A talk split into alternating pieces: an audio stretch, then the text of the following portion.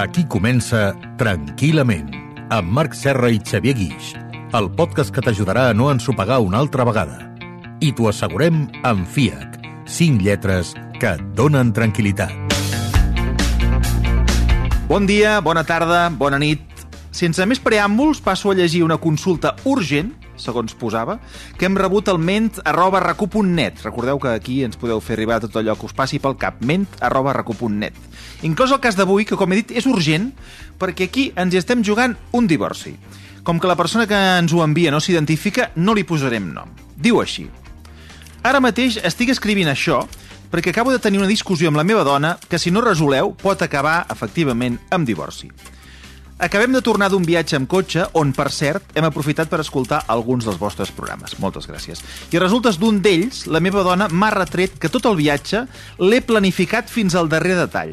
Amb el Google Maps, he mirat les valoracions dels restaurants, he buscat un hotel des de fa dos mesos i he trucat a les activitats a l'aire lliure que hem fet per saber quanta estona duraven. Mireu, diu, jo no em vull perdre per la carretera. Vull menjar bé i vull saber quan duren les coses per poder-ne fer més. Aquest és el meu pecat, es pregunta? Si no em doneu la raó, el Xavier tindrà un nou pacient perquè la meva dona em deixarà. Com ho he dit, és una consulta d'urgència que cal resoldre també urgentment. Avui parlarem de planificadors i planificadores. Xavier, benvinguts. Moltes gràcies. A veure, o sigui, no, no el podem identificar perquè no ens diu el nom, però diu que No això importa. és, és molt important, és urgent. Sí. Eh, ara me'ls imagino tots dos escoltant a veure què, què diem i, i què no diem. A mi, jo vaig a dir la meva, eh? A mi, una persona que posa un Google Maps, que es mira les valoracions dels restaurants, que agafa l'hotel amb, amb temps i truca per planificar una activitat, per mi frega mm, la planificació excessiva. La Però- obsessió perfeccionista. Ara, també, o sigui, la seva justificació, que m'estic aquí llegint el, el correu electrònic, tam, o sigui, tampoc és exagerat, perquè mirar Google Maps, això ho fem tots, Sí. ens perdem o no ens perdem. Les valoracions dels restaurants, també hi ha gent que ho té una miqueta com a hobby, de, a veure, anem a dinar aquest que té un 4, l'altre té un 3, no sé què. L'hotel agafat en mesos, bueno, depèn, no sé on van, no ens ho ha dit això, però potser cal. I tant. I això de trucar a les activitats a l'aire lliure per saber quanta estona duren, això mm, ja no t'ho sabria dir. Mm, bueno, em, em genera mm, sensacions eh, contràries. Crec que frega una mica l'excessiva planificació. Però Clar. ara, ara parlarem de, de planificadors i planificadores. Però en aquest cas, què, què et sembla? Mira, uh, tant ho podem veure com un acte d'amor, No, però, No, però la no, no. seva parella diu que no, No, eh? no, no, ja- la ja- seva no. parella està a punt d'agafar les maletes. Aquest és l'acte d'amor de però- la parella. Però potser la seva parella no sap veure que això és un acte d'amor. Ah, val, val, doncs llavors no ho veu, no ho veu, no ho veu per què? Perquè ho pateix. Sí. Un acte d'amor o un acte egoista, perquè també hi ha aquesta altra... Després t'ho preguntaré, perquè, D'acord, d'acord. no, perquè hi ha gent que fa això per assegurar-se que és el seu viatge. Oh, clar que sí. Que va als seus restaurants, Clar que als sí. seus hotels, és lloc on tria Clar que sí, però persona. ara imagina't que tu ets la meva parella Sí. i jo sóc el planificador. Sí. I jo et dic, carinyo, Sí. uh, com, què, què farem les vacances? No ho sé. Vale. No ho I ja ens apropem molt a les vacances i ja comença a estar tot ple. Mm. Carinyo, està tot ja omplenant-se. Què farem? Sí, no ho sé. Vale. Ho vaig fent jo? Sí, Vale, ja està. sí, sí. I jo faig l'acte d'amor. Jo ho faig per tots. I, evidentment, què faré? Home, aniré cap a on a mi m'agrada, perquè si jo començo a dir on vols anar? Sí, però dalt. Què em diràs? No, no, d'acord. Val, però ara m'has posat un exemple que bueno, te'l compro. Jo, per exemple, sóc aquests que després vull anar als millors llocs i ja està tot ple, perquè Claro, vaig a última hora. claro. També hi ha un, un concepte del que hauríem de parlar, que és de la improvisació, que també dona, Ah, exacte. dona grans plaers. Exacte. Però, si no ho posem en unes vacances, és a dir, si això no és una cosa que efectivament hem de planificar amb molt de temps, posem un cap de setmana. Cap de setmana, a veure, tampoc cal planificar-lo amb, amb tres mesos d'antelació. No. Cal un restaurant, el, les estrelles, el, el, la ruta més ràpida, tot, que cal tot això? Però, aleshores, si tu em fas aquesta pregunta, jo diré sí, cal, perquè mm, avui en dia... Doncs ja ho podem deixar, tot- eh? tot- no podem ser parella, eh, Xavier? tot s'ha de, tot s'ha de programar poc o molt. Tot. Per què? Perquè tot arreu hi ha cues, tot arreu, etc etc. Però la pregunta no és aquesta, la pregunta és resulta que sempre necessites tenir-ho tot programat? Val, val, parlem d'això. Necessites que cada cap Eh. de setmana tot estigui previst? Mm. Necessites que ara ja estiguem preveure, com jo he viscut, perquè ho he vist, ho he sentit, jo sóc testimoni, d'una parella que ja tenien preparada els propers 15 anys dels seus fills, fins i tot a la universitat que anirien, Imagina't. quan encara no havien nascut. Imagina't. Perquè ja havien de fer comptes. Pobres criatures. Aleshores, Marc... Bueno, i ara està molt de moda, que, que algunes vegades n'hem parlat al versió RAC1, la planificació del sexe. Per Sexe exemple. planificat. Per exemple. O sigui que és l'antisexe. Exacte. Aleshores, em, com. Marc, no, no podem uh, ser pejoratius ni, ni castigar la conducta de planificar. Planificar, com tota la vida, està bé. Ara, també està bé que després del planificat, el que passi, també ho sapiguem acollir. Mira, això el que estava planificat, però resulta que ara hem d'anar cap aquí, però resulta que hem d'anar cap allà, però resulta que l'avió no ha sortit, però resulta... Bueno, Però, no però, ha jo, però jo he vist gent, eh, diguem-ne, desfent-se com un terròs de sucre perquè l'hotel amb, amb quatre estrelles que volien no arriben allà i resulta que està ple i no hi poden anar. Exacte. Malgrat que ho havien planificat eh, fa dos mesos. I quan dic que els veig de, desfer-se com un terròs de sucre, vull dir que llavors al cap de setmana ja no aixequen cap, perquè aquella planificació que havien fet Ah, exacte. no els hi ha sortit. Doncs això és l'enganxe, això és l'apego, això és l'aferrament a la planificació. Per tant, el que estem dient és que planificar ni és ni bo ni dolent, és un fet, és una condició que a vegades necessitem, avui en dia per anar al metge l'has de planificar, és a dir, per tot s'ha de planificar, per tant, forma part de la nostra vida i això no és ni bo ni dolent. Però jo entenc que hi ha un moment que per, a partir d'un instant potser sí que és dolent. O sigui, on, on posaríem aquesta línia? Home, sí, quan, quan tenim una expectativa molt alta i li estem posant molt poques planificacions i possibilitats.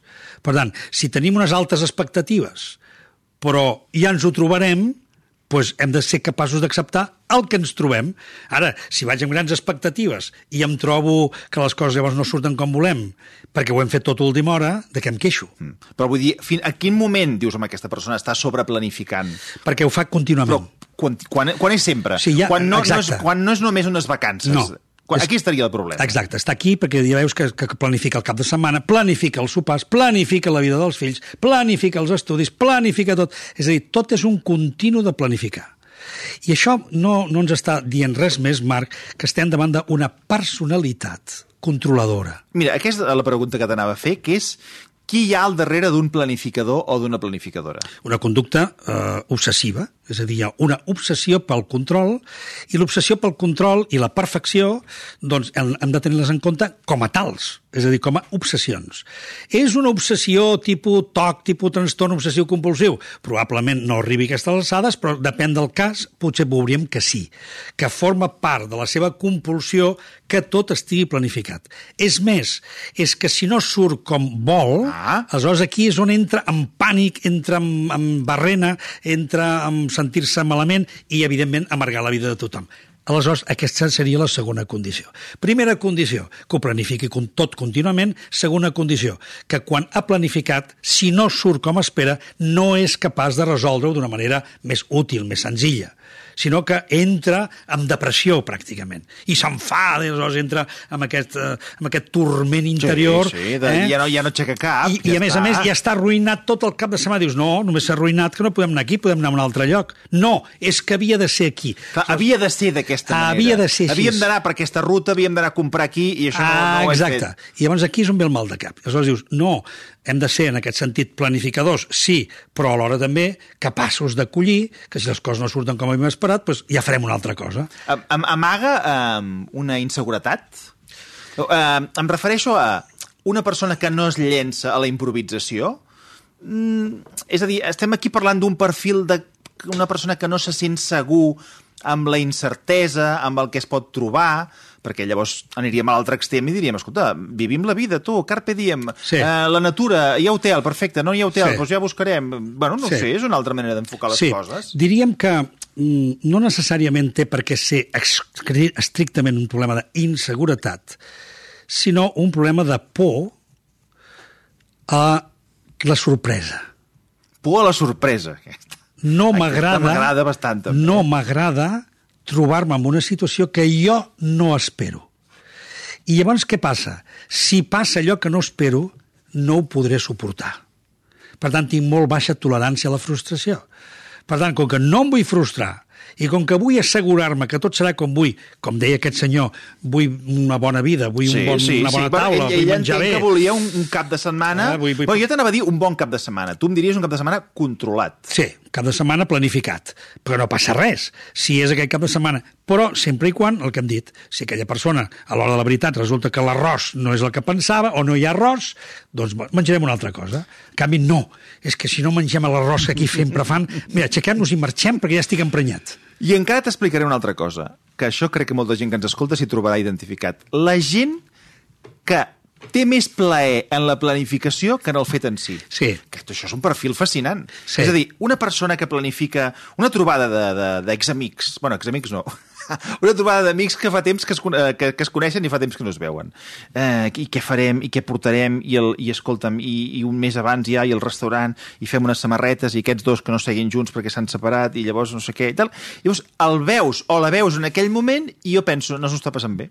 O sigui, ho ha dissenyat tot perquè arribi aquell dia, i arriba allò i no s'ho està passant bé. Perquè... O sigui, et dona la sensació que ha gaudit més Clar. de la idea de la planificació Exacte. que no pas del, del fet en si. Exacte. Però, doncs, clar, Aleshores, aquí és on apareixen els, no sé si dir planificadors, sinó els projectors. ah, que són aquells que projecten sempre allò que esperen que passi, allò que els faria molta il·lusió que passés. I aleshores aquesta projecció es fa sempre en present. Ara sento molta il·lusió d'estar preparant la nostra visita a Montmartre. Però quan sóc al barri llatí de debò, mm. quan estic pujant les escales de Montmartre, mm. quan sóc al Sacré-Cœur, no el Guineu, una gentada. és igual, Ja us dic, que- pues una gentada, sí. fa mal olor, Sí. em trobo amb no sé Caríssim, qui, m'han robat la cartera, Sí, sí. és a dir, passen coses que, evidentment, M'han pintat un quadre i no m'hi assemblo. quan tu vas projectar, no les havies posat, aquestes coses. Clar. Només vas posar la projecció. La idealització. La idealització. Aleshores, fixa que és curiós perquè amb això trobaràs persones que et diuen és que estem programant això i sembla que no et faci il·lusió. Mm. I tu dius, bueno, és que ara no, ara no me'n fa, ara només és planificar, en canvi, quan siguem als llocs... Ja me'n farà. Ja, no no me'n farà, ja m'hi poso, Ja perquè estic allà, disfruto, gaudeixo... Sí. Oh, però és que sembla que et faci fàstic, sembla que no en tinguis ganes. No, però és que la, la il·lusió a mi és quan estem en el lloc, no mentre ho estem preparant. Mm. En canvi, hi ha gent que no, els agrada això. Els agrada la il·lusió posar-la en la planificació. I després venen els disgustos. Una cosa importantíssima, que és viure amb un planificador o una planificadora. És a dir, la postura quina és? O sigui, has d'agafar el full de ruta i dir, escolta, agafar... S'ha Sí. acabat la planificació, viu la vida, passa-t'ho bé, o, o, o què s'ha de fer? O, sigui, no. o els deixes de gaudir de la, la seva planificació, o... perquè és que eh, entenc que, que és un comportament molt irritant. És a dir, sobretot si l'altre Sí. eh, és de signe bastant contrari. Sí. a veure què ens trobem. Eh, aquest no, aquesta carretera no era l'altra perquè passem per davant d'una muntanya, allà hi ha un rierol, allà hi ha una, una font, allà hi ha no sé què. Dius, bueno, és que potser si haguéssim escollit l'altre camí hauríem descobert coses que potser no sabem, no? Com, com es conviu amb un planificador o planificadora? um, hauràs de trobar els punts que en diem oscil·lants, eh? que és com un intent d'equilibri, però no un punt mig, sinó un punt oscil·latori entre aquest cop fem el que tu has planificat, aquest cop fem el que no hem planificat. O certes coses les fas tu pel teu compte, perquè jo viure-ho així no m'agrada viure-ho. Llavors, aquestes cosetes les vius tu. Les altres coses faré com a mi m'agraden. És a dir, hem de trobar els espais corresponents a que els dos ens sentim bé, espais que siguin per cada un, perquè és un disfruta, perquè ja, allà ho tindrà tot planificat, probablement, i aquells espais on ens hem de posar d'acord. Fins aquí vale la planificació, fins aquí estem d'acord en que aquí hi ha un espai, un marge, perquè ens podem improvisar, perquè podem fer una mica el que, el que toqui. D'acord que tinguis planificades els hotels, d'acord que tinguis planificats els viatges, però les rutes, per favor, no. És que l'exemple de tot això, l'exemple perfecte, és un viatge organitzat. O sigui, el viatge organitzat té tots els pros i tots els contres que vulguis. Els pros són molt evidents. Veuràs tot el que has de veure, eh, tiràs una, una entrada preferent, seràs a l'hora que toca els llocs, però els contres és que et perdràs un munt de coses perquè et diran on has d'anar i tu no podràs manar. Exacte. Però, és a dir, les dues, les dues visions són encertades. Sí. Jo, jo, jo ho vull veure tot, Sí. però també vull anar a la meva. D'acord. Aleshores, aquí és on hem de fer la pau, de dir, mira, ara què prioritzo? Això. Ara què prioritza l'altre? Mira, avui anirem amb la ruta que fa tot el grup. Avui no, avui anirem per lliure. Hi ha gent que ho fa. Hi ha gent que ho fa, que van en grups organitzats, però s'agafen... Avui no... Avui, Avui només- no compteu amb nosaltres. No, sí, no compteu, eh? No compteu perquè anem a veure uns amics. Sí, I ja està, sí. i ens perdem i fem la nostra, etc etc. I, I es tracta d'això. Repeteixo, la dificultat ve quan una persona no es pot permetre el que s'equivoqui el que no tingui controlar la situació per allò que pugui passar. Perquè si passa allò, temo que no podré amb això o temo que no sabré com reaccionar, o temo que no sabré com resoldre-ho. Aleshores, aquesta por, que és una por obsessiva, acaba calant de tal punt que l'única manera que troba la persona de resoldre aquesta situació és la planificació. Quan hem arribat a aquest punt és quan podem dir aquí sí que no estem veient un planificador, estem veient una persona obsessiva del control. Mm. Estem parlant d'exemples de, bastant genèrics, és a dir, som en el món del GPS som al món del Google Maps, de sí. si poso la ruta o no poso la ruta. Eh, parlem de viatges organitzats, però ara anem a reduir-ho a un àmbit, mmm, diguem-ne, que toca més eh, personalment i també pot arribar a tocar molt la pera, que és l'àmbit del nostre entorn, que és planificar coses que mm, en teoria haurien de ser espontànies, com per exemple abans et preguntava eh, les relacions sexuals no? o les relacions personals. Quan arribem a aquest punt de, de planificació, Eh, això què vol dir? És a dir, això ens apunta més cap al món de la parella, on efectivament hi ha parelles que mm, bueno, organitzen aquestes trobades, o si vols, si no parlem del tema sexual, dels sopars, del que sigui i tal, sí. eh, som davant d'una parella organitzada o som davant d'una parella que, que té un problema i aquesta obsessió pel control se n'ha anat una mica de mare? Eh, tot dependrà d'on ens situem en aquest pol que tu has marcat. Qualsevol dels dos, ponts, dels dos pols són sempre conflictius. Què és l'interessant? A vegades espontàniament ens surt les ganes d'estar junts, a vegades ho hem de programar. Per què? Perquè és que si no ho programem, si no ens fem un lloc, no ens hi posarem. Però agafant el que dèiem abans, la programació no sí. mata... No. Eh, o sigui, abans, jo ja ho entenc, eh? o sigui, la programació val, et pot arruïnar un viatge, però en aquest cas la programació no mata un romanticisme? No, és que en aquest cas no és romanticisme, és senzillament fer-nos un lloc. Una altra cosa és, en aquell lloc ja veurem què fem ja veurem com estem en aquell moment. Tu vols dir fer un forat a l'agenda. Exacte. Que el forat hi ha de ser. Hi ha de ser. Hi ha de ser. I això ens ho guardem per nosaltres. No necessàriament vol dir aquesta estona ho hem d'estar fent. No, aquesta estona ens el guardem i mirarem de o llitar-nos, o anar a una volta, o fer un superet, o senzillament ens estirem i estem junts. I veurem el que surt. I, efectivament, normalment, per poc que ens hi posem, ja ens hi posem però hem de crear aquest espai, perquè si no es crea aquest espai, aleshores no ho faríem mai. Ja, però llavors saps que hi ha gent, eh, o sigui, totalment contrari a això. Hi ha gent que quan dius això es posa les mans al cap. Sí, dius, que, que se les posin. que estàs matant sí, sí. Eh, el que és la, la, pues això, la, la, la guspira, el moment, l'impuls, no, no. l'estàs matant perquè l'estàs agendant. No, jo he dit, he dit, hem de fer servir els dos hi ha un que és espontani, que és natural, que es produeix en un moment donat, que ens mirem els ulls i no sé què passa, ningú ens diu res... Ah, no, no pot ser, perquè avui no som dimecres a la nit, eh? Ah, ah. No, no miris amb aquesta cara, perquè avui no som dimecres a la nit. Però això el planificador... El, el, el, clar, el forat està dimecres a la nit i avui som dimarts a la tarda. Això el planificador. Sí, Però clar. quan s'arriba a aquest punt, significa no em permeto l'espontaneïtat. Mm. Per què? Perquè no la controlo. Ah, llavors tornem al que dèiem abans. És això? Per això et dic, hi ha molta gent, no sé si tu ets d'aquests, a tu t'agrada que et facin sorpreses, que no t'esperes? Sí, a mi m'agrada. Doncs, doncs, doncs hi ha sí. molta gent que no. No, hi ha gent que les odia. Doncs la, la, la, aquí és on tens un, un punt per veure exactament el problema del control. Perquè la gent que tem la espontaneïtat, la sorpresa, és perquè vol controlar el que li passarà. I per això algunes persones ja t'anticipen tot.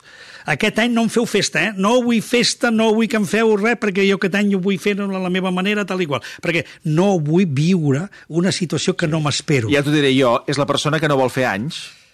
Això podria ja ser. Ja t'ho diré jo, sí, no faig això de festa ser. perquè em recorda que ha passat un any més. Sí, però això seria un altre drama. Oh, tant. Eh? No, no el de la planificació.